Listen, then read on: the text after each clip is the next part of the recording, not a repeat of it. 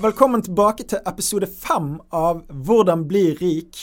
Her med meg, Pål Frille Grung, og Andreas Våland. Og med oss i dag så har vi vår gjest Stine Andreassen. Stine Andreassen, som uh, har gründet et selskap som het Wide Assessment het uh, selskapet, men plattformen vi utviklet, het VeaWorks. VeaWorks. Og ja, bare sånn kort intro. Hva VeaWorks, hva gjorde dere der? IT-rekrutteringsplattform eh, gjorde det enkelt for selskaper å headhunte IT-kandidater, men også enkelt for IT-kandidater å få frem kompetanse, uavhengig om du på en måte har en stor mastergrad på CV-en, eller om du er selvlært. Er det sånn at man faktisk kan si at dette var anonymt? Du kunne velge. Eh, du kunne være helt anonym for alle, eller så kunne du faktisk være anonym eh, eller fjerne deg helt fra f.eks. arbeidsgiver, hvis du allerede var i jobb. Så det at eh, du kunne velge. Enten lå du helt åpent og, og skrek ut til alle at du var åpen for noe nytt, eller så blokket du de du som absolutt ikke burde vite det. Ja, Det er viktig å blokke folk. Ja. Andreas er jo faktisk ekspert på å blokke folk på TikTok. da. Helt riktig. Du får jo mye drit på TikTok. Uansett hvor, hva du gjør, hvor god du er eller hvor dårlig du er, så får du mye hate. Ja. Så triks meg og Pål har kommet frem til, det er rett og slett bare blokk de som skriver hate. Ja. får du hate. Jeg gjør det i innboksen med de som sender uh, sånn kjede-e-poster, holdt jeg på å si. Sånn uh, Hei, jeg har utviklere i Ukraina. Og på LinkedIn. Og på LinkedIn. Jeg får aldri tak i henne på LinkedIn. Men det er smart, for det er greit nok du kan få litt mer engasjement, og du kan nå litt mer folk hvis du lar denne haten komme. Jeg vet at veldig mange av de mest kjente influenserne, i hvert fall i Norge, lar den haten stå. Fordi at de har sine krigere igjen som skriver imot disse haterne. Men altså, uansett hvor mye positivt du får, så er det den negative kommentaren det henger deg opp i. Mm. Og for min del så er det ikke verdt å få litt bedre reach for å la den dårlige kommentaren ligge der. Ja. Det er greit nok hvis det er konstruktiv kritikk, eller hvis det er noe jeg har sagt feil, eller noe sånt. Helt mm. greit at folk uh, skriver noe på det. Men hvis det bare er hat, bare for å være stygg, ja. har det ingenting i kommentarfeltet å gjøre. Ja, det er bare å få det vekk. Jeg, jeg, la ut en TikTok i går da, hvor jeg sa navnet på restauranten feil. For det, jeg har vært på litt restauranter og lagd noen TikTok som har gått viralt. Det var Hem. Jeg sa Heim. Og så, så Hele kommentarfeltet er jo bare Hem, ikke heim. Jeg bare, ja, ja, men jeg gikk ut ifra at det kom til å skje, så jeg bare ja, fuck it. Introen var så bra, så jeg bare sånn, jeg vil ikke redigere på den. Akkurat denne er ganske smart. En av de første TikTokene jeg la ut, da, da var det sånn Altså, det var under korona, og da var det mange trender på TikTok. Det var ikke TikTok helt som det er i dag. Det var litt mer sånn eh, på gøy, da. Ja. Du lærte ikke like mye, det var bare piss. Og så var det en trend hvor du skulle ta på deg en bossekk, og så skulle du ta en støvsuger oppi bossekken, ja, ja. og så ble du helt sånn Og så gjorde jeg det på madammen. Og så skrev jeg egentlig bare startet en, Jeg gjorde en ny trend som ingen har gjort før. Starting a new trend.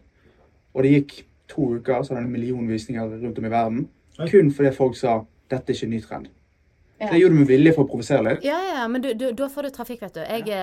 Eh, i, I våre, dette var før GDPR, eh, når vi var disse irriterende inne i innboksen og skulle fortelle om vår IT-rekrutteringsplattform, så bevisst så tok jeg f.eks. uten emne Sånn at liksom hva, hva, hva, hva, er dette her for noe?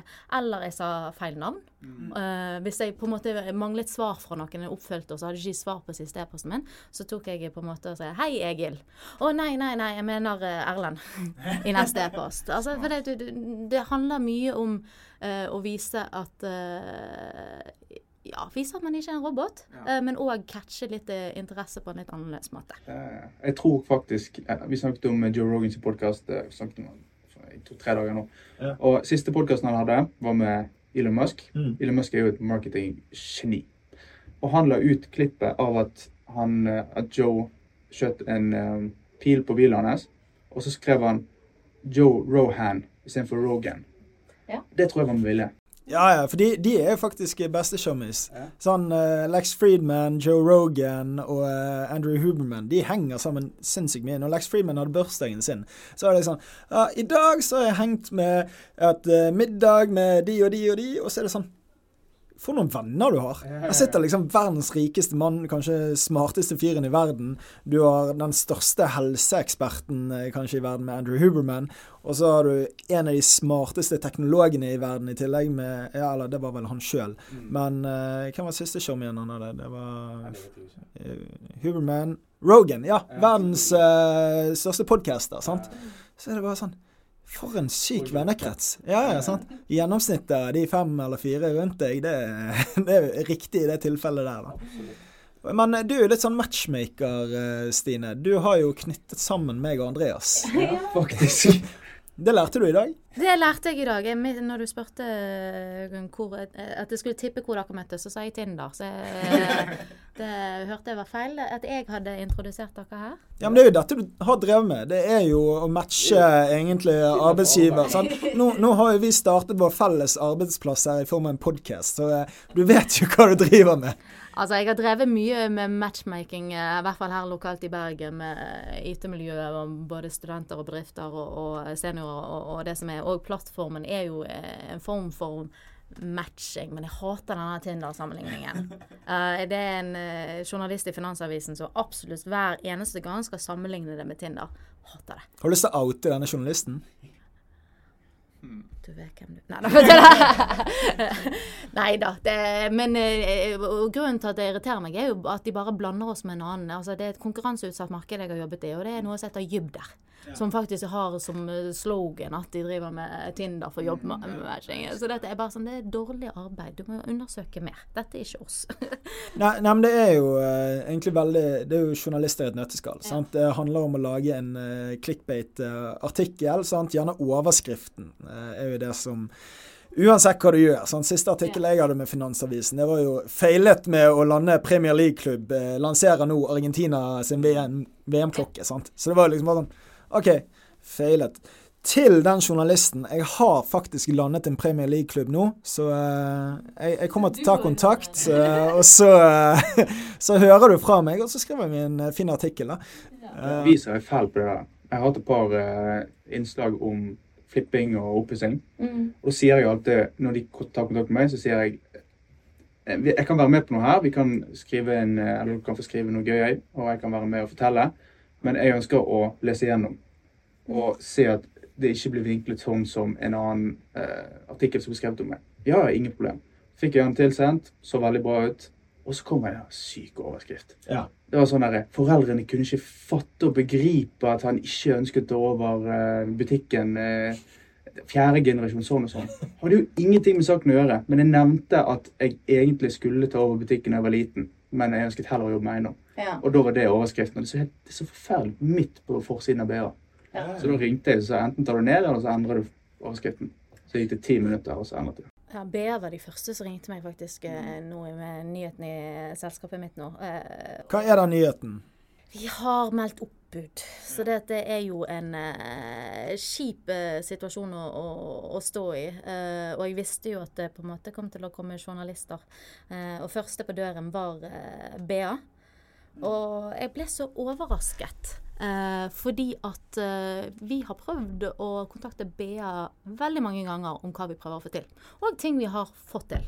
Eh, og prøvd å få de til å skrive stories eh, om det. Nei, ikke gitt eh, svar fra seg i det hele tatt. Og så skulle de komme og vise at vi har feilet på det de aldri har fremhevet. Ja, sant? Det er jo så typisk. Der måtte jeg ta meg en runde med dem, men de forsto det veldig da, og, og, valgte å ikke skrive noe om det. For, så dette, all ære på det. Men jeg, eh, jeg syns vi skal, vi skal dere få æren av scoopet når mm. det går galt, så må dere ha vært med og fortalt om faktisk hva vi prøvde å få til. Ja. Går du inn på BA og du leser overskriftene, så tviler jeg på at du finner mer enn én en eller to positive saker. Det er kun negativitet. Det, det er jo generelt A-media. A-media som eier eh, BA, da. Mm. De, det er jo lokalaviser hovedsakelig de driver med, og så er det Dagbladet. sant? Og uh, det er nesten bare negative nyheter når det kommer til næringslivet. da. Det er veldig få. Ja, kanskje de har, her åpnet en ny kafé eller en restaurant, men når det kommer til sånn, en teknologibedrift, så er det sånn Nei, dette blir reklame, dette blir sånn. Og så er det sånn Ja, det blir kanskje reklame, men det er fortsatt en historie der. Mm. Og hvis denne bedriften vokser, så kommer de kanskje betale for uh, denne reklamen her uh, på sikt, sant? Uh, for å være synlig i, i dette markedet. Men jeg, jeg har vært i, utenfor A-media før, og har vært borti BA som ville Jeg spurte de da.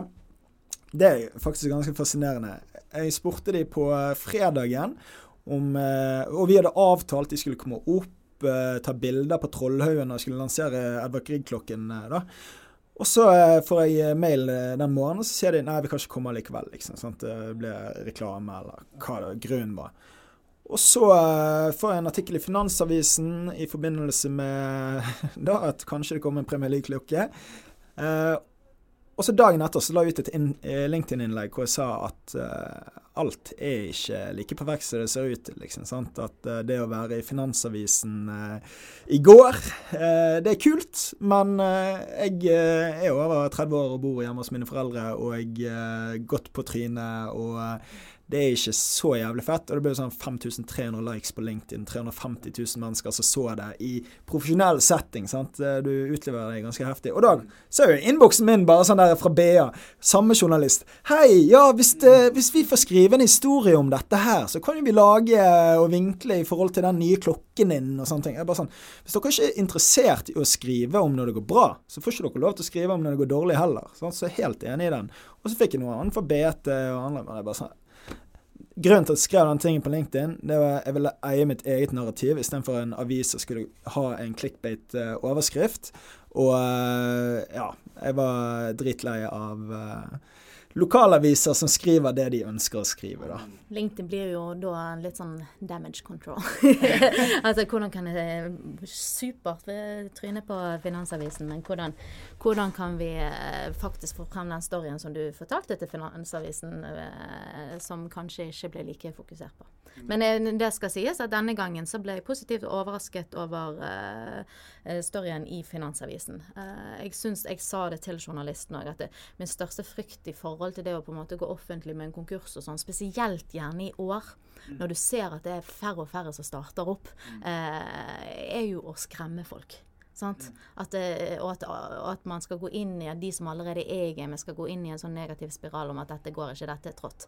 Dette kommer ikke vi oss ut av. Så dette, jeg var jo veldig bevisst på det, eh, og ville derfor at vi eh, fokuserte på andre ting enn bare vi har feilet. at rett og slett her er alt vi har fått til, her er alt vi eh, har uh, skulle få til, og her er verdien som er skapt på reisen. Mm. Ikke bare hva enderesultatet var, men all verdien som er skapt underveis. Så jeg, jeg syns det Jeg syns den ble bra til slutt likevel. Og litt mindre clickbait-mat uh, enn jeg har sett tidligere på Stories om oss. ja, dere, dere meldte jo oppbud, men det er jo svært få som egentlig vet hva et oppbud er. Og et oppbud er jo når du Eh, eller styret i selskapet velger å kaste inn kortene og melde for skifteretten og sier at uh, nå er ikke det forsvarlig at vi driver her lenger, for vi taper penger hver måned gjerne. Vi får ikke på plass penger fra investorer. Vi vil ikke drive for kreditors regning, altså de som vi har lånt penger fra, om det er DNB eller leverandører eller Innovasjon Norge, hvem det måtte være. Og så eh, er jo det en ganske forsvarlig ting å gjøre da, som eh, bedriftseier. Og når man ser at ok, her går det ikke lenger, sant? så det er jo en fornuftig ting. Men dere har jo bygget verdier. Absolutt. Og eh, det er jo det en bobestyrer da, som kommer inn etter dere har meldt eh, et oppbud eh, som blir liksom daglig i selskapet, går igjennom hva er verdiene i selskapet, om det er immaterielle, så vil si teknologi, eller om det er materielle ting som eiendom, eh, datamaskiner, hva det måtte være, og skal selge det videre til budgivere da, og folk som er interessert. Og Så jeg ikke forstår det, så er jo det noen som er interessert i å kjøpe det dere har bygget. Så det vil jo si det er verdi der. Absolutt, absolutt. Det, og det er jo på en måte en slags bekreftelse. Å kjenne seg helt ærlig litt sånn godt. At det, det, kommer mye Det er vel syv interessenter akkurat nå. Uh, så det, selv om det kommer absolutt ikke å bli solgt for den summen som det er verdt. Uh, og det, det, er jo på en måte billigsalg her. Men det, kjennes uh, Jeg har jo da hatt møte med alle disse og, og, og fått mye bekreftelse på hvordan det er tenkt, hvordan det er utviklet, designet, UX-en og, og tankene om bransjen. sant? Eh, at gjerne kanskje det var feil timing akkurat nå, men gi det et år, eh, så kan dette merges inn i teknologi de har fra før, eller systemer de har fra før. Så det, selv om det på en måte er kjempetrist og at vi ikke klarte å, å, nå de drømmene som vi hadde for dette systemet og, og den rikdommen som, som, jeg så for meg, så, så uh, kjenner jeg at uh, de siste månedene når vi på en måte har forberedt oss på at dette, den veien går, så uh, kjennes det godt å vite at teknologien lever videre. Mm. Hva rikdom var det du så for deg? Si det, si det. Um, nei, jeg så jo Altså, jeg har alltid sagt sånn at uh, i forhold jeg har vært i og, og, sånn, så har jeg sagt ja, du har på en måte levebrødet. Du har uh, tryggheten for oss uh, og sånt. Mens jeg har loddet. Jeg har lottobilletten, på en måte. Så, så, tanken var jo eh, at vi skulle klare å skalere dette opp. Vi klarte det på et nasjonalt nivå, det ble brukt over i hele Norge, men òg på et internasjonalt nivå. Eh, og at vi da kunne selge det videre til et PE-selskap eller eh, no, en konkurrent eller noe sånt. Så jeg, jeg så jo for meg at eh, det i hvert fall ikke skulle være tapt feriepenger og, og tapt lønn jeg satt igjen med. ja, for når du sier PS-selskap, så er det private equity du refererer til. Og eh, vi snakket jo forrige episode med Christian eh, Solheim eh, som hadde Cutters, og eh, de ble jo kjøpt opp av et private equity-selskap. Men vi gikk jo ikke inn i detaljene. Hva er et private equity-selskap? Og det er jo egentlig et uh, selskap som har hentet mye penger for å kjøpe opp andre selskaper, men la gründerne sitte igjen med en stor del av kaken, sånn at de har insentiv til å fortsette å bygge en vekstbedrift, da, for så å selge det videre på et senere tidspunkt til et annet selskap, om det er Skipsted, A-media, noen andre som måtte ha bruk for en teknologi sånn som dere har. da. Uh, så jeg vil bare skyte inn og forklare hva det var. Uh, men ja, man, man, blir jo Det er veldig få som blir rik av å starte bedrifter, da. Uh, I hvert fall på første for, forsøk her. Og, så det er jo ganske stor forskjell på Norge og spesielt USA. I Norge så er det sånn Det er kanskje litt, nesten litt tabubelagt å gå konkurs. Mens i USA er det sånn Ja, OK, du, har, du klarte det. Hvor mange konkurser hadde du før du klarte det? Mm. Der er det liksom der, der er det litt sånn hedret å ha gått konkurs, fordi du får så sinnssykt mye erfaring. Og du lærer hvordan du gjerne skal tweake det for at det skal gå enda bedre neste gang. Så den kulturen syns jeg vi skal ta med oss til Norge òg. Jeg, jeg ble positivt overrasket over kulturen i Norge. Okay. Jeg, jeg, eh, vi har jo hatt med oss eh, på en måte 16-17 aksjonærer. Uh, og mange av de mindre, altså engleinvestorer, sånn, som går inn med sparepengene sine. Uh, og jeg er veldig overrasket over forståelsen for at dette er en del av gamet. At uh, jeg fikk bare masse positivt tilbake når vi meldte det inn. Og at det, sku, det sto ikke på innsats, og, og de takker for dansen vi hadde danset sammen, og for en reise det har vært. Det så det, det ble jeg kjempeoverrasket over. Og så ble jeg veldig overrasket over når jeg på en måte har delt dette offentlig og sånn, så har det igjen full innboks ja, eh, av folk som eh, verdsetter ryggsekken jeg har bygget med når jeg har fylt i med erfaring. Mm. Eh, så det Jeg trodde kanskje at liksom, vi er et ganske sånn ungt eh, innovasjonssamfunn. At vi fortsatt var eh, i, i, den fasen hvor vi skandaliserte mer. Eh, men jeg vil si at gjengse mann på gaten har vært sånn der Neimen, dritbra. Alt du har lært. Ja, for det merket jo jeg òg på LinkedIn når jeg eh, liksom snakket om uh, det fra min side. Og det er jo LinkedIn du har fått dette her. sant? Mm. Og det er jo hovedsakelig uh, veldig positivt sentiment på LinkedIn. sant? Det er veldig få negative kommentarer og diverse. Det er jo ikke der du får mobbingen, sånn som på TikTok, eller DM-en på Messenger, eller hvor det måtte være. sant? Men ja, dere har jo åtte år bygget bedrift og gjort et uh, skikkelig forsøk. Og de aksjonærene som nevner som er engleinvestorer, de lever jo mye drømmen gjennom deg. da, ja. sant? Oppdateringer, hva som skjer, opp- og nedturer. For det er jo en berg-og-dal-bane. sant? Mm. Så når, når, de får disse oppdateringene, sant? og det er jo Tiger er bedre enn å sitte og se på TV, for her er du faktisk med i realityshowet som ja, skjer. Men det er forskjell da på de som på en måte går inn med eh, tre millioner og på en måte har tre millioner å tape, versus de som går inn med 50 000 og, og det skulle gå til jacuzzi, holdt jeg på å si. altså, det, det Ja, men du, du, tar jo det valget, sant. Og det er jo eh, for så vidt lottobilletten til disse investorene òg. Den jacuzzien kan bli ganske stor, liksom. Ja, den faller i verdi, men det er jo noe vårt òg. Men Jeg har jo snakket mye om uh, slutten, eller eh, så langt dere har kommet nå. Mm. Hvordan startet dette det hele? Det starta egentlig litt tilfeldig. Uh, jeg er utdannet gründer. så det, jeg, har, jeg har tok uh, utdanning på BI i Oslo innenfor entreprenørskap og økonomi. Okay. Uh, rett og slett for at det var eneste innovasjonsstudie på bachelornivå uh, den gang, så tok jeg det der.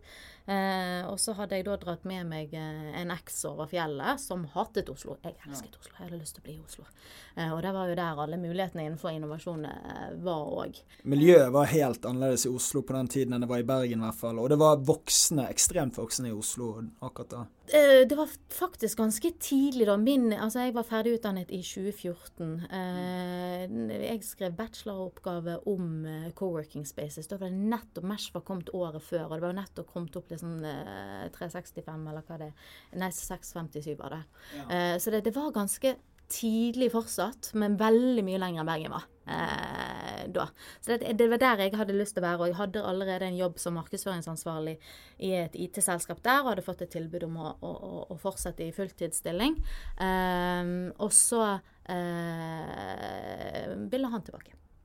Så da eh, ble, ble, det kompromiss, da. At mm. siden han ble med til Oslo, så skal jeg bli tilbake til Bergen. Og så, mens jeg da søkte jobb eh, for å finne meg eh, noe gøy å gjøre på her, så eh, bodde jeg hjemme hos min far, da. Mm. Eh, og jeg fikk ikke lov til å bo der gratis. Nei. Så betalingen min ble at jeg måtte være med han på jobb hver dag og hjelpe han å, å bygge opp sitt eh, IT-rekrutteringsselskap som heter Gyril. Eh, og så etter hvert så ble jo, ble jo, det så busy at når på en måte Nav kom og skulle ha meg på jobbsøkerkurs, så måtte jeg si nei, det har ikke jeg tid til. Og så ja, men du er arbeidsledig. Så, men det er jeg egentlig ikke. Jeg har minst en 100 stilling i å opp med dette. Jeg betaler husleien i form av sweat equity. sweat equity, ja. Så det, det, begynner egentlig med at eh, OK, du har nå en eh, innovasjonsutdanning, og, og jeg eh, jeg eh, har noen ideer om hvilken eh, vei denne bransjen bør gå. Eh, så det startet egentlig med at jeg fikk oppgaven i hvordan kunne vi effektivisere av dette mellomleddet, som var en IT-rekrutterer, som på en måte tok 100 000-200 000 kroner for en ansettelse, eller for en introduksjon, egentlig. Mm. Kundene, altså IT-selskapene, tok mesteparten av eh, intervjurunden og sånn på egen hånd. Eh, det var mest det at de ikke hadde tilgang på alle kandidatene eller kunne sile ut på samme måte som IT-rekrutteringsbyrået. Og så samtidig så, så han at innenfor IT kunne ikke man gjøre det som alle andre bransjer. Så han hadde den gang et Excel-ark med syv faner og hundrevis av skills innenpå hver av de fanene, som alle IT-kandidatene da måtte fylle ut hva slags teknologi har jeg jobbet med, og hvor lenge jeg har jobbet med det, osv. Og, og så måtte han rote i, i rekrutteringssystemet sitt for å finne den beste match på hva kunden trengte av eh, kompetanse versus hvem han hadde i databasen på det. Så det ble litt sånn der eh, søke Innovasjon Norge, prøve kan vi digitalisere dette, eh, og ut og snakke med pilotkunder. Og så har det egentlig bare vært en ball som har rullet. Mm. Eh, ja. Og du startet dette sammen med din far, da? Sammen med min far, ja. Og du ble daglig leder? Det ble jeg. Det, først han begynte som daglig leder. Han begynte som daglig leder? Ja, for jeg var jo når prosjektet, Vi begynte prosjektet i 2015. Jeg var 24 år. Så det, og jeg var kvinne. Eh, og jeg hadde, ikke, jeg hadde en deltidsjobb på markedsføringsansvarlig på eh, CV-en. Så det, det, det, var ikke mye kred der når vi skulle på en måte banke på dører verken hos kunder eller potensielle investorer. Så vi satte han praktisk på eh, papiret som daglig leder for at det skulle se bedre ut. Ja. Men jeg er jo kompis med din far. Det er du. jeg har vært hjemme hos dere. Og uh, den leiligheten regner jeg med Du bodde i kjellerleiligheten, du bodde ikke oppe? Jeg bodde nede i kjellerleiligheten, ja. Men det var ikke en leilighet da. Men uh, uansett, ja, så jeg kjenner din far ganske godt. Vi henger på alle mulige sosiale arrangementer innenfor gründerbransjen og uh, trives veldig godt i lag. Uh, han er jo verdens snilleste mann. og jeg ja, det må jo være vanskelig eh, for han å være daglig leder, for han er jo bare snill. Sant? Så det er jo kanskje derfor du må være litt strengere. Sier du at jeg ikke er snill? Ja, det er det jeg sier. sier du er litt strengere? Jeg vet du er snill, men du er litt strengere enn din far. Nei, altså er det ikke, ikke noe i, i, forhold til at han ikke kunne tatt den uh, daglige lederrollen. Det kunne han uh, absolutt. Men det, det var nå jeg som har styrt dette. Så dette, det var jo egentlig mer uh, naturlig at uh, når det var jeg som uh, styrte skuten, at det var jeg som skulle stoppe på papiret. og det var når vi først fikk investorer. De investorene som vi fikk, gikk inn i styret. Og første punkt på agenda var å gjøre Stine til daglig leder. Ja, ja. For det, det var det som var reelt, og skulle vi på en måte skape endring i samfunnet på liksom eh, unge kvinnelige ledere, så, må, så måtte vi gå foran med det. Eh, så eh, fra 20, slutten av 2016 så har jeg vært eh, daglig leder. da. Han har vært med hele veien siden, og eh, ja, snill og, og, og god er han, men han, har noe, han er nå bestemt òg. Du har jo fått noen priser for uh, din lederrolle. Ja. det? Det har jeg. Årets unge ledertalent og jeg uh, Norges fremste tech-kvinner. eh, hvis Det er jo også ganske imponerende og stilig å se. Ja. At du ikke bare har prøvd, men faktisk fått til å være en god leder. Og jeg er jo også god kamerat med to stykker som har jobbet hos deg. Petter og Kyrre. ja, stemmer. Og de har ingenting annet enn positive ting å si om deg. Så som- bra. Både som person og som leder.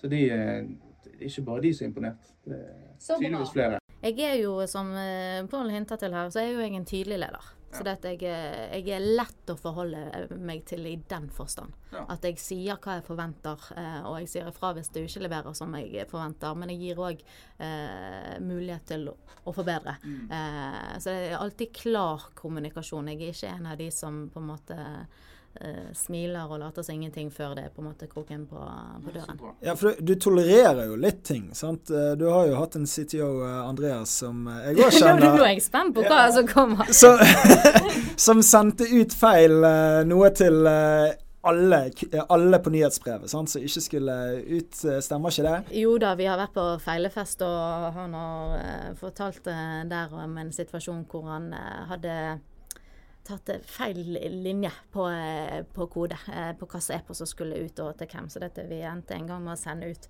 Jeg tror vi, tror vi endte opp i 6000-8000 e-poster. Men ikke til, ikke til 6000-8000 mennesker. Så det vil si at hver og en av de fikk eh, gjerne ti e-poster før vi klarte å stoppe det.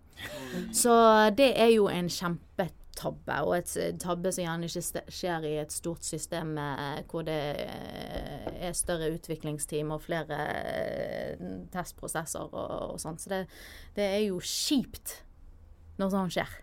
Men det er jo selvfølgelig bare menneskelig. Og det er helt vanlig at det skjer i en startup når du skal inn og kode og teste og eh, alt mulig. Oi, der var det noe nytt! Og så bare kom du borti, og så Det er den kostnaden du betaler for eh, tempo, rett og slett. Ja, og mangel på kapital til å ha et solid eh, team i alle ender eh, som kan prøve å AB-teste alle disse tingene, og gjerne ja, tid, sant, i forhold til ja, vi kan bruke en måned på å gjøre dette, eller så kan vi bruke en uke på å gjøre dette. Ja. Og eh, tid er kanskje den viktigste tingen for en startup, da.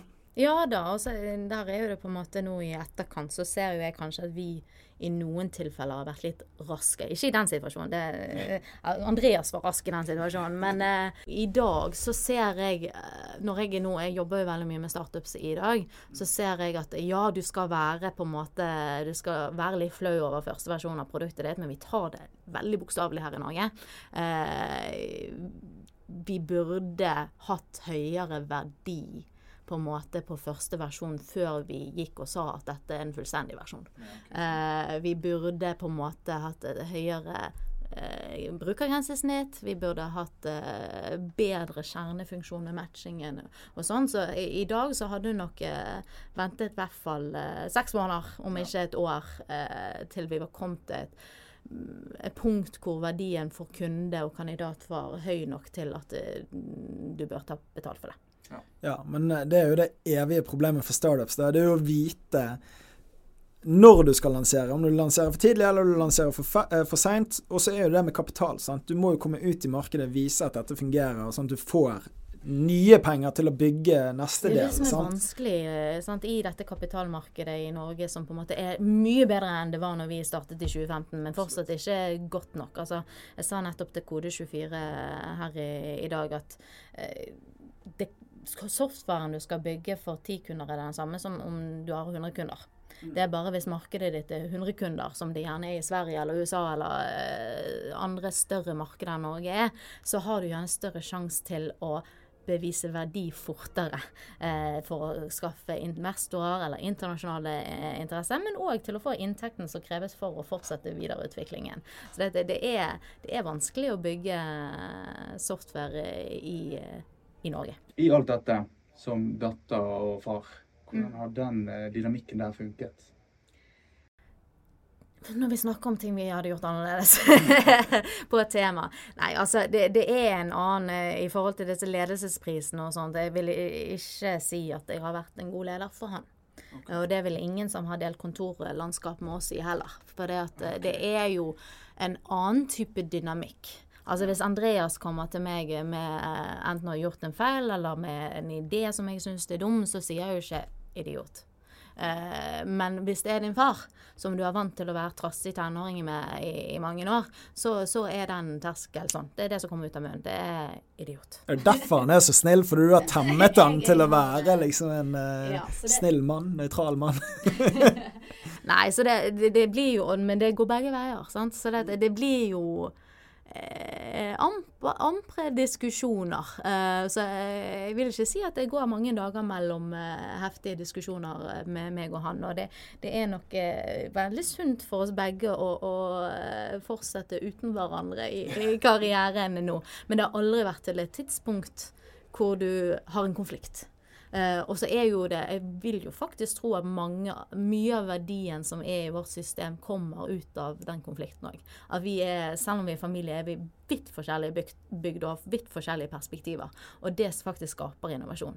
For det vi, vi, møtes på et eller annet sted i midten hvor, uh, hvor uh, det er bedre enn hvis jeg hadde bare fått styrt alt. Ja, For du, du, skal jo ikke ha samme meninger i en startup, for da får jo du i hvert fall ikke det beste produktet. Nei.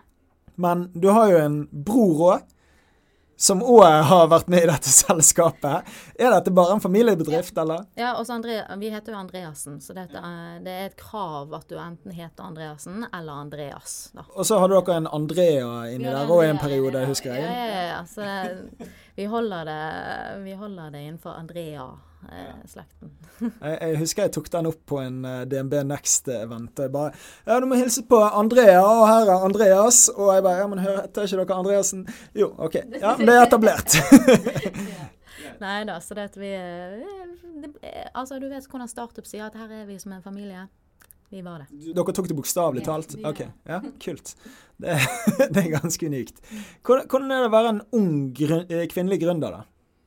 Liksom, Du har én ting å være ung gründer, og så Ja, men du startet når du var 24, sant? Og så er et topic som er ganske hett, og så går mye igjen, det er at altfor få kvinner starter eh, bedrift sant? og investerer i uh, gründere og i aksjer, som DNB har lansert. Hun investerer, som en heftig kampanje. Og, uh, og så er jo det disse utfordringene som det snakkes om, da. Er det vanskeligere å hente penger som kvinnelig gründer? Jeg syns det er vanskelig å svare på, for det er jo ingen som svarer til deg at det er fordi du er kvinne. eh, og jeg, jeg, tror ikke at det er situasjonen her. Eh, vi har hatt problemer med å hente kapital. Ikke hos forretningsengler. Der, eh, der, har eh, vi sagt nei til mange de siste årene. Hadde gjerne tatt de pengene nå på slutten, men eh, de siste to årene har vi sagt nei til en rekke forretningsengler. Der jeg har slitt, har vært mot WC-ene. Og det tror jeg handler mindre om kvinnelige ledere og, og, og gründere og sånt. Det, det, tror jeg handler om type bransje vi er i. Ja, venturefondene.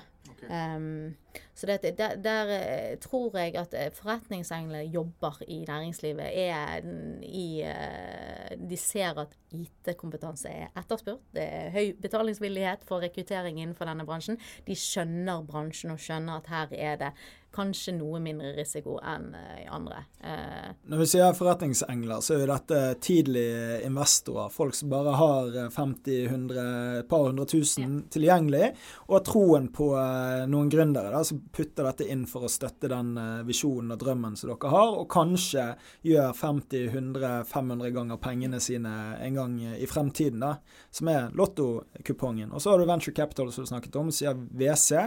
Og det er jo egentlig noen som har samlet en stor, uh, mange hundre millioner eller noen milliarder i et fond, og har som mål å investere i startups i et visst eh, segment. De har et mandat som sier OK, vi skal innenfor eh, rekrutteringsbransjen eller helseteknologi, finansteknologi, proptech kanskje. Men Eh, og så har de så og så mye penger de går inn med, mellom 20 og 50 millioner, eller 1 til 5 millioner. Mm. Så det er jo litt sånn begreper uh, som er litt ukjent for folk som ikke er i startup-bransjen. sant? Og det er i forhold til de segmentene så har ikke jeg vil si, rekruttering og IT-rekruttering vært sexy. Eh, der har det på en måte blitt møtt med at nei, men vi har et mandat på bærekraft. Og så er det noen uh, selskaper som gjerne da spinner seg litt rundt at dette er bærekraft, det sparer papirer og ja, Men det, det er ikke IT-rekruttering er ikke bærekraftig case. Det, du har litt samme utfordring som jeg har. da. Sånn, uh, venture capital-folkene, de liker deg. Mm. De, de, liker det du gjør, de liker uh, alt, men det er bare sånn Dette er ikke innenfor vårt mandat. Dette er ikke det som uh, vi har fått penger til å investere i av våre investorer igjen. Sant? Så er det sånn OK, lage klokker og uh, gå til fotballklubber og markedsføre via de. Nei, det er ikke for oss. sant? Mm. Og på samme måte så er det sånn Rekrutteringsbransjen det er ikke noe som uh, redder verden i form av klimareduksjoner sant? og diverse. Og da, da, stanger du litt mot å finne hvor er de pengene hen. sant? Rett og slett. Hvor har dere funnet pengene, da? Vi har jo ikke funnet de, det er jo derfor vi er konkurs. Nei, vi har solgt. Altså, vi har eh, tidligere hatt en forretningsmodell som har gjort at vi kun, har på en måte kunnet videreutvikle fra egen lomme. Eh, I tillegg til at vi har hentet fra, eh, fra forretningsengler. Eh, gjort noen runder der. Tror, ikke for å avbryte midt i, men nå avbryter jeg midt i. Når dere er ute og henter disse pengene, og selger ut aksjer mm. for å eh, hente inn de pengene dere trenger, hvor mange prosent av selskapet må man se for seg å gi bort i sånne runder? Det er jo varierende. Uh, vi endte opp til slutt uh, med Hvor mye hadde vi igjen til slutt her, da? I underkant av 50% på gründerteamet. OK, så dere satt igjen med halve selskapet etter Nesten. Ja, altså ikke nesten. nok til at du har kontroll, men uh, vi er halvveis på 48, og da hadde vi tre runder med kapitalene. Ja, okay. Men om det, det, er riktig eller hva det er, der er det litt sånn endring i kulturen òg. Før så tok eh, var det mye, mye lavere prissetting på selskapene enn det det er i dag. Nå er det mange startups der ute som så vidt har tjent en krone, som eh, nærmer seg 100 eh, 000 i verdivurdering. Og det, det, er jo ganske crazy. Vi hadde jo Christian fra Cutters her inne. Han solgte jo, eh, eller de solgte under 30% av selskapet sitt for 300 000 kroner på en verdivurdering på 1 million kroner i første runde. sant? Og de ble jo kjøpt opp for 67 eh, for 460-470 millioner ble spekulert i, da. Sant? Så det var jo crazy for de som gikk inn med penger der. Ja, men det er trist for gründeren. Men altså, det, det, det, er sånn det kommer til å være. Det er liksom et eh, økosystem i småbarnsfasen. Så det, det, kommer til å være litt sånne historier eh, disse årene. Og så forhåpentligvis ti år frem så, så har vi store suksesser med gründere som tjente fett og da bruker det, de pengene på å reinvestere mm. i andre startup-selskaper og, og, bruker kompetansen de har til å, å, å, lære videre. Det er jo det vi ser i Sverige. De, altså, de har hatt Klarna og Spotify, og det, ikke bare skaper det arbeidsplasser innenfor innovasjon og teknologi, men det på en måte destruerer mye kapital og kompetanse tilbake i systemet. Jeg stod og snakket med, med en annen heter Johan, og han var, en av, han var på DB Next uh, i fjor. da, og Så traff jeg han på DMNX Next i 2019, og han var en av de gründerne i, som skapte Skype. da. Okay. Og så uh, tjente han mye penger der. Og skulle han være med i Zalando, sant? som må uh, være svensk.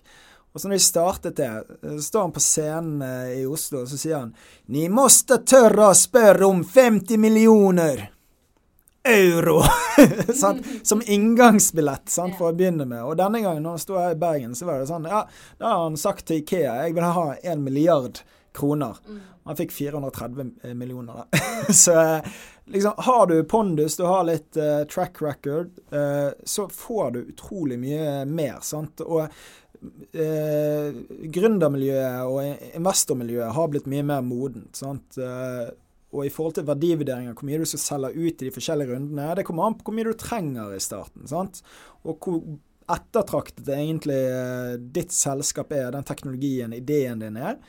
Og så uh, Markedet bestemmer jo veldig fort eh, hvor mye du er verdt og uh, hvor mye Det kommer òg veldig an på type investor du snakker med. Jeg har snakket med investorer som skal gå inn med en million, men skal fakturere meg for 1,5 ja. på en måte. Sant? Som, eh, det blir nesten en slags byttehandel hvor eh, vi kan komme i mål med en runde, men eh, egentlig så fikk de betalt for å investere. Sant? Tilbake i konsulentfeed. De ville jo ikke jeg ha med meg. Vanne meg sjøl ut for å bli påtvunget til å bruke den kompetansen istedenfor fritt på markedet. Det, det ønsker jeg ikke. Og så er det andre investorer som kommer og sier at vi ønsker at du skal være motivert. Vi har lyst til å være med på denne reisen, men du kommer ikke til å være motivert til å, å på en måte gjøre alt eh, hvis ikke du har nok eiersats til eh, at du har eh, en god exit, du òg.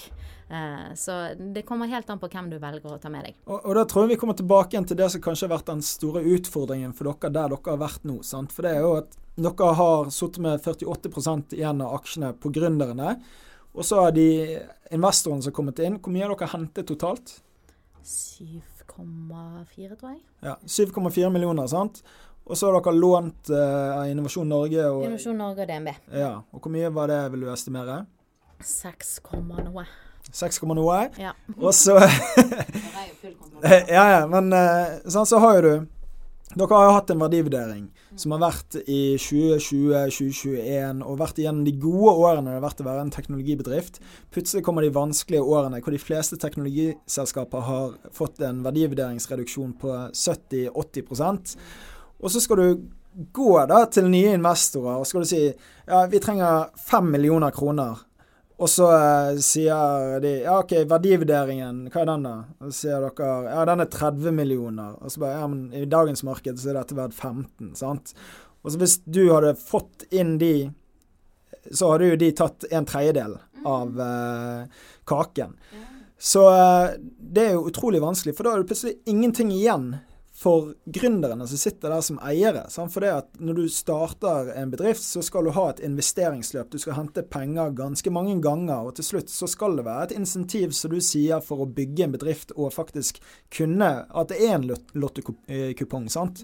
Og eh, det tror jeg ble veldig vanskelig nå når dere kom inn i den fasen eh, dere hadde mye gjeld. Sant? Mer gjeld enn gjerne det man uh, skulle betale for. Mm. Og da er det utrolig vanskelig å hente Det var det som var. Og så møter vi nå i 2023 har vært et forferdelig rekrutteringsår. Ja. Det er konsulenthusene som på en måte har vært vår eh, største kunde, som alltid har vært på jakt etter talenter og, og egentlig åpnet stillinger med en gang det har kommet en senior.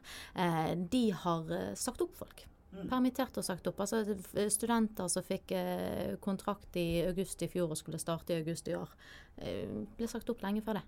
Eh, og andre startup som eh, på en måte tidligere ser etter en CTO eller en tredjemann på teamet eh, på vår plattform, spør om vi kan hjelpe dem å leie ut og bootstrappe. Og skaffe litt alternativ inntekt. Så det, det, det, har vært et veldig rart rekrutteringsår. og vi gjorde jo i begynnelsen av året så tok jo vi en råsjanse, rett etter banklånet. Det, vi prøvde å hente kapital i, i 2022, klarte ikke det. Skulle hente 10 10, 10 eh, millioner, valgte da å ta et eh, banklån istedenfor, for å skru forretningsmodellen vår til å passe egentlig et bredere publikum, og et internasjonalt publikum. Vi gikk fra på en måte å operere, altså være en teknologi, men ta betalt som et eh, byrå. Mm. Eh, vi tok før betalt ingenting for at du brukte plattformen, men du måtte fortsatt betale en 100 000-200 000 for en ansettelse. Eh, til å snu det om til at du betalte ingenting for suksess, men du betalte gjerne 3000 i måneden for å, å bruke systemet og kontakte kandidater. Eh, så det, der tok vi en råsjanse. Det er stor forskjell på 200 000 og 3500. Eh, så det vi kutter på en måte all inntektene våre eh, i, med mål om å kunne skalere opp antall kunder og kunne gå internasjonalt og kunne hente kapital for å fortsette og vise til den skalerbare inntektsmodellen funket. Men det var jo ræva marked å gjøre det i, når ingen rekrutterer. Ja, ja det, det, er jo litt sånn som oljekrisen i 2014-2015. Bare innenfor uh, mennesker innenfor teknologi og markedsføring og salg. sant? Og det som du sier her, er jo ganske interessant. For det, at det er jo ikke noe vi har sett tidligere. Sant? Og er dette noe som kommer ut av AI? Er det, hva, hva som fører til det? Er det pga. det mangel på kapital? Makrobildet. Altså det er rett og slett alle bransjer er påvirket. Så kundene til IT-selskapene eh, og konsulentselskapene og, og, det som er, de sliter. Og da mister de kunder, og da må de si opp. Hva er det første som går? Jo, det er innleide konsulenter. Så det, det er rett og slett Jeg føler eh, at siden mars 2020 og, og pandemiskuddet gikk i været, så har på en måte rekrutteringsmarkedet vært litt sånn i rykk og napp. Enten har det gått dritbra, for alle skal digitalisere på hjemmekontor og, og eh, vi må oppskalere IT-avdelingen, eller så har det stått helt bom stille. Eh, enten da fordi det er konsekvenser av at det er krig eh, her, eller at det er rente som går opp der, eller bransje som sliter med råvaremangel her, eller i frykt for å bli påvirket av det. Og da, da, da vi, når vi ikke vet hva som kommer rundt neste, neste sving, så, så, eh, skalerer ikke vi opp teamet. Da sitter vi rolig i båten og venter til vi vet mer. Og det er ingen tvil om at IT-markedet og IT-rekruttering kommer til å komme tilbake igjen i samme form eller bedre. Det kommer til å gå enda bedre. Det, så vårt mål var å finne nok kapital egentlig til å drifte litt eh, og ri av denne stormen et år frem i tid. Men det klarte vi ikke. Det... det... er jo et av problemene til startup. Sant? Det er å overleve lenge nok mm. til at markedet tilpasser seg gjerne produktet ditt. Sant? At du, det blir modent nok for det. For teknologien deres er jo kjempebra. Det er en grunn til at dere har hatt mange tusen uh, mennesker som registrerer seg på det, og mm. mange bedrifter som har brukt det. Sant? Mm. Men så er det at det må modnes, uh, det markedet, før. Uh, og det, det, er den største utfordringen. Som regel er man for tidlig som gründer, og så må du klare å overleve lenge nok til at dette er det markedet etterspør. Zoom det, det, var spennende. Jeg tipper de ikke tjente penger før pandemien.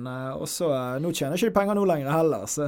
Nei, så det er jo det at Markedskonjunkturer vil jo alltid være enten ett marked så bedre å gå opp og ned hele tiden. Så det, det handler om at vi var ikke kommet til det punktet og hadde gjort noen grep tidligere i år som gjorde at vi hadde enda mindre backup-penger til å overleve noe sånt.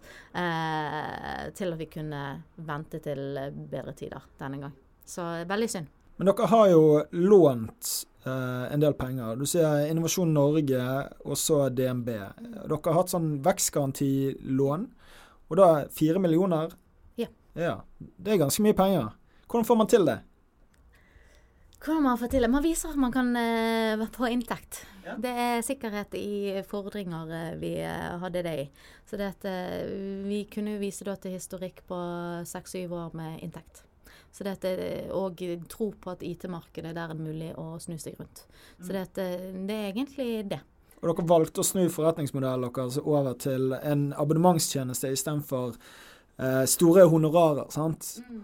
Og det er jo pga. at gjerne de venture capital-selskapene de ønsker å se at den stiger, den kurven på uh, Litt mer skalerbar uh, forretningsmodell. Også fra ideelt ståpunkt så ønsket jo jeg òg å demokratisere mer talentjakten, da. At uh, vi har Norge er bygget av SMB-bedrifter. Ja. Uh, og vi har flere og flere startups som kommer på markedet. Jeg vil at de skal ha tilgang på de kuleste, beste IT-hodene. Jeg vil ikke at alt skal bare sitte i de store selskapene som har et uh, million rekrutteringsbudsjett og har en egen avdeling for å drive med rekruttering. Jeg vil òg at den startupen hvor CEO-en er den som òg driver med rekrutteringen, skal ha råd Eh, til å ta kontakt med en dritbra kandidat. Jeg må skyte inn der. SMB-bedrifter. Det er ikke alle som vet hva det er. Små og mellomstore bedrifter. Stemmer det? Ja. ja. Så ikke disse gigantene, men gjerne startups og små og mellomstore bedrifter. Ja, De fleste bedrifter i Norge er jo under ti mennesker. sant? Så bare det å være to, tre, fire personer. sant? Og jeg tror jo at eh, noe som jeg har etterspurt egentlig i den krisen som er i startup-miljøet akkurat nå, så er det enormt mange selskaper som har fått en langt høyere verdivurdering enn det de vil få i dag i dagens marked, under uh, covid og uh, når uh, penger har vært billig tidligere. og da mener jeg at Innovasjon Norge burde tilgi den gjelden som har vært, da. For det at som regel så går jo den tapt, sånn som hvis dere melder oppbud. Sant? Ja, kanskje de får en liten sum ut av de pengene når noen kommer og byr og gjerne kjøper selskapet, men den summen er jo gjerne ikke så altfor høy eh, som regel i forhold til hva den reelle verdien er. For det man ønsker jo at det skal sitte gjerne Hvis det sitter tre, fire, fem mennesker igjen i et selskap, og de har fått tilgitt den uh, gjelden, så plutselig så er det ikke så vanskelig for nye investorer å komme inn og si ja, OK, her har dere tre millioner få dette opp og stå til at det kan bli en levedyktig bedrift. Ri av denne stormen som man står inne i nå. Uh, operere uh, sånn at det går rundt. Og så tar man uh, Kanskje man klarer å blåse liv igjen i selskapet etterpå. Men til syvende og sist er det bedre at det er et selskap med tre-fire ansatte enn jeg er litt usikker på om tilgi gjeld eh, er løsningen på det. For det, altså, du, det, det, kan ikke være så lett, holdt jeg på å si. Eh, det er masse som kan forbedres med, lø med løsningene de har på lån i, eh, i Innovasjon Norge. Men at det finnes flere alternativer for hvordan å håndtere det, annet enn at man skal bli konkurs av de lånene. Det, der kan man være litt kreativ, ja. det er også ganske greie utgangspunkter for i hvert fall vekstgarantilånet, hvor Innovasjon Norge går inn og kausjonerer for 75 av det. Mm. Og så tar banken resten av risikoen på 25 mm. Gjerne med en kausjon hvis de er litt og det som er bra med det, den framfor den, vi har jo òg sånn oppstartslån, er jo det er ikke personlig kausjon på det. Ja, DNB gir ikke faktisk ut et sånt lån hvis ikke DNB selv har troen på selskapet. Så du har ingen personlig kausjon. For det, dere har jo et annet lån, sant? oppstartslån. Oppstartslån på 900 000. Ja. Har ikke banken lov å ta et, å få inn en sånn kausjon, Privatkausjon på et vekstgarantilån? De har sikkert lån, men de, de har ikke gjort det hos oss i hvert fall. Okay. De, for Jeg snakket med DNB om det, og eh, de sier hvis ikke vi har troen på prosjektet, så kommer ikke vi til å uh, Sånn, det er på en måte DNB investerer mm. million kroner, da. Ja, for ja, vi, hadde, vi har fått et sånt vekstkartillån, vi òg, ja. Eh, i Peach på 1 million kroner. Og da, tok, da er Innovasjon Norge kausjonist for 75% altså da 750 000. Og der måtte vi faktisk inn med 100 000 cash på konto og ha en privat kausjon på 150 000 kroner. Er du sikker på at dette er Nå Skal jeg uh, introdusere deg til våre kontakter? For vi har veldig god dialog med DNB, og, og DNB er nesten like trist uh, som oss på det. Ja, har tatt penger, men altså i, i, forhold til visjon og, og De sier frakarten for en timing. Dette her hadde de så tro på, og spesielt nå når de ser liksom at det er såpass mye interesse for boet. Så her kunne jo vi på en måte sammen solgt dette for mye, mye mer og, og, og, og gjort en reell eh, endring i bransjen. mer enn bare her i eh, lille Norge og, og de kundene vi nådde her. Men Hadde de da kommet inn på eiersiden, Nei. eller hadde de da vært megler eventuelt? Hvis dere skulle solgt senere? Nei, de har jo ikke noe eierinteresse. Det, så det, det, handler rett og slett om altså, du, I næringslivet det er jo mennesker som møter mennesker. sant? Så det, det, det, handler jo om at vi har et godt forhold med vår rådgiver der, som på en måte heier på oss. Mm. Og, og, ønsker å uh, være en del av uh, Litt sånn som du sier, disse aksjonærene som mm. lever litt om gründerdrømmen gjennom oss. Mm. Uh, de blir som en aksjonær, men uten personlig gevinst om det går bra. Ja, og eh, DNB syns jeg har vært, i hvert fall her i Bergen, da, for det er der jeg har relasjoner i forhold til uh, det med lån og dette her, så har de vært veldig flinke på liksom ja, OK, det er ikke riktig timing nå, kanskje. Kom tilbake igjen sånn. Presenter de og de tingene. Og så er de aldri negative, da. De er veldig oppmuntrende i forhold til det, dette her. Jeg har måttet gi investorpitcher og vise tall og due diligence på samme måte som enhver annen investor. Så de gjør nøye arbeid. Men jeg syns ikke de bare er en svarteper, holdt jeg på å si. Nei, det, det, er personlig, og det liker jeg. Og jeg syns de er veldig flinke, som Maria i hvert fall, som eh, kanskje du har vært eh, borti her. Bank Leite er det vi har. Okay. Så da er det flere flinke, da. Ja. Og så har du Stine Sofie, har jo vært der òg, som er i Dealflow. Ja, det er eh, kaffemåned i dag morges. Ja, så kult, da. Og så hun, hun har jo lært mye der. Sant? Og det er litt sånn det å være gründer og være på den siden i DNB, og så hopper hun over i gründerverdenen og blir daglig leder i Dealflow. Så det er ganske kult. Jeg har et uh, spørsmål til deg om uh, deres uh, ekspansjon i dette, når dere går ut av landet. Ja. For jeg har et selskap som heter Kapital. Mm. vi leverer tjenester i Norge nå. Og det er ikke så veldig lenge til jeg ønsker å gå ut av Norge, inn i et par europeiske land, i hvert fall i starten.